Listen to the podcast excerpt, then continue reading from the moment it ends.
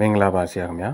အမတ်တိမေကွန်းအနေနဲ့အချမ်းဘတ်စစ်တပ်ကတန်တမန်အတိုင်းဝိုင်းကိုမဟုတ်မမှန်တဲ့သတင်းအမှားတွေပေးနေဖြန့်နေတာရှိပါဒီပေါ်မှာနိုင်ငံခြားရေးဒုဝန်ကြီးတယောက်အနေနဲ့မှတ်ချက်ပေးခြင်းနဲ့များရှင်ပြောပြပါကျင်းပစစ်တပ်အနေနဲ့ကတ္တမန်ပိုင်းဝိုင်းကိုဒီမဟုတ်မမှန်တဲ့သတင်းတွေဖြန့်နေတာတော့ဒါ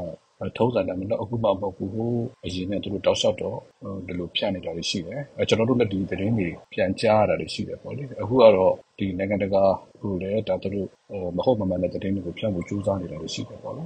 အဲ့တော့ကျွန်တော်တို့နိုင်ငံခြားရေးဝန်ကြီးဌာနအနေနဲ့ကတော့ကျွန်တော်တို့သက်ဆိုင်ရာကိုယ်စားလှယ်တွေပေါ့ကိုယ်စားလှယ်တွေရုံးနေရတဲ့ဆက်နဲ့သက်ဆိုင်ရာအစိုးရတွေသက်ဆိုင်ရာလွှတ်တော်တွေဒါတွေကိုကျွန်တော်တို့သတင်းတွေကိုပြန်ပြီးဖြန့်ဝေပေးနေတာရှိတယ်။ဆောစောကဒီသတင်းအချက်လက်အမှားတွေကို ဖြန့်ဝေထားတာရှိတယ်ဆိုလို့ရှိရင်လည်းကျွန်တော်တို့ကိုပြန်ပြီးတော့မေးတာတွေရှိတယ်။အဲ့လိုမေးတယ်ဆိုလို့ရှိရင်ကျွန်တော်တို့ပြန်ပြီးတော့ရှင်းပြတာတွေရှိတယ်ပေါ့လေ။နောက်တစ်ခုကကျွန်တော်တို့ဒါနိုင်ငံခြားရေးဝန်ကြီးဌာနတင်မကောက်ဘူးပေါ့နော်။ကျွန်တော်တို့ရဲ့ဒီ NUG အစိုးရအနေနဲ့ပြောရေးဆိုခွင့်ရှိတဲ့သူတွေရှိတယ်။နောက်ကဒီ NUG အစိုးရရဲ့ကျွန်တော်တို့ခေါ်တာတော့ Public Relations Team ပေါ့နော် PR team ရှိတယ်။အဲ့ဒီအဖွဲ့ရဲ့တက်ဆိုင်ရာသတင်းထုတ်ပြန်မှုတွေရှိတယ်ပေါ့နော်။ဒါတို့ကနေတစ်ဆင့်ပဲဒီမီဒီယာတွေဒါပြည်တွင်းပြည်ပနိုင်ငံတကာမီဒီယာတွေကိုလည်းအဲ ဒါသတင်းတွေကို ထုတ်ပြန်ပေးနေတာရှိတယ်။အဲ့ဒီသတင်းဌာနတွေက မေးတဲ့မေးခွန်းတွေကိုလည်း ပြန်ပြီးတော့ ဖြေပေးနေတာရှိတယ်ပေါ့နော်။ဒါတွေကတော့ အများနဲ့အစင်ဒီဇိုင်းကျွန်တော်တို့ ဆောင်ရွက်နေတဲ့ ကိစ္စတွေရှိတယ်။ဒီလို စစ်ကောင်စီရဲ့ချက်လက်အမှားတွေနဲ့ နိုင်ငံတကာကို ဖြန့်နေတဲ့အပေါ်မှာရော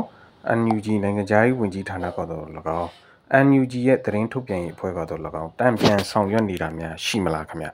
စကားစားနေပြီးတော့မှ အချက်လက်အမှားတွေကို monitoring ပေါ့နော် disinformation ပေါ့ သတင်းကိုပုံဖြတ်ပြီးတော့ဖြန့်ဝေတာမျိုးလည်းရှိတယ်အမှန်နဲ့အမှားနဲ့ရောနှုတ်ပြီးတော့ပေါ့လေအဲ့ဒီလိုမျိုးဖြန့်ဝေတဲ့ကိစ္စတွေကိုလည်းကျွန်တော်တို့ကဒါသက်ဆိုင်ရာမီဒီယာတချို့နဲ့လည်းပူးပေါင်းပြီးတဲ့အခါကျတော့ဒီသတင်းကတော့မဟုတ်မှမမှန်ပါဘူးဒီအချက်ဖက်စစ်တက်ကနေပြီးတော့မှတမင်ပေါ့လေဝါဒဖြန့်ချီပြီးတော့သတင်းမှားကိုရွေးချက်ရှိရှိထုတ်ပြန်နေဆိုတာမျိုးကိုပြန်ပြီးတော့ရှင်းပြရတာပေါ့နော်ဟိုတခါတလေကြာရင်လည်းကျွန်တော်တို့နိုင်ငံရေးဝန်ကြီးဌာနအနေနဲ့ဥပမာအဖြစ်ဒီအာဆီယံနိုင်ငံချို့ဆိုလို့ရှိရင်လည်းတို့သတင်းအမှားတွေရတာရှိတယ်ဆိုကျွန်တော်တို့ဆက်သွယ်ပြီးမေးမြန်းတာရှိတယ်ဆိုရင်ကျွန်တော်တို့ကဒီနိုင်ငံတွေကို ပြန်လည်ပြီးတော့ ရှင်းပြရတာရှိတယ်။အဲ့ဒီလိုနီးနဲ့ပေါ့နော် ကျွန်တော်တို့ကတော့နီးအမျိုးမျိုးသုံးပြီးတဲ့အခါကျတော့ စကားဆရဲ့ မမှန်တဲ့ သတင်းချက်လက်မှားတွေကို ဖြန့်ဝေမှုတွေနဲ့ ပတ်သက်ပြီးတော့တံပြန်ပြီးတော့ ဆောင်ရွက်ရတာပေါ့လေ။ဒါကတော့ သူတို့ တောက်လျှောက်ဆောင်ရွက်နေတဲ့ ကိစ္စကို ကျွန်တော်တို့ကတော့ဒါတတိနဲ့ထားပြီးတော့ တုံ့ပြန်တာ ဖြစ်ပါတယ်။အရေးအကြီးဆုံးကတော့ဗာလဲဆိုတော့ဒါပြည်သူလူထုပေါ့နော်။ပြည်သူလူထုကတော့ ဒီသတင်းတွေနဲ့ ပတ်သက်ပြီးတော့ဒါသူတို့လည်း အတွေ့အကြုံ အများကြီးရှိတဲ့အတွက်ကြောင့် အယုံကြည်မရှိဘူးပေါ့လေ။အဲ့တော့ဒါပေမဲ့တစ်ခါတလေကျတော့ နိုင်ငံတကာ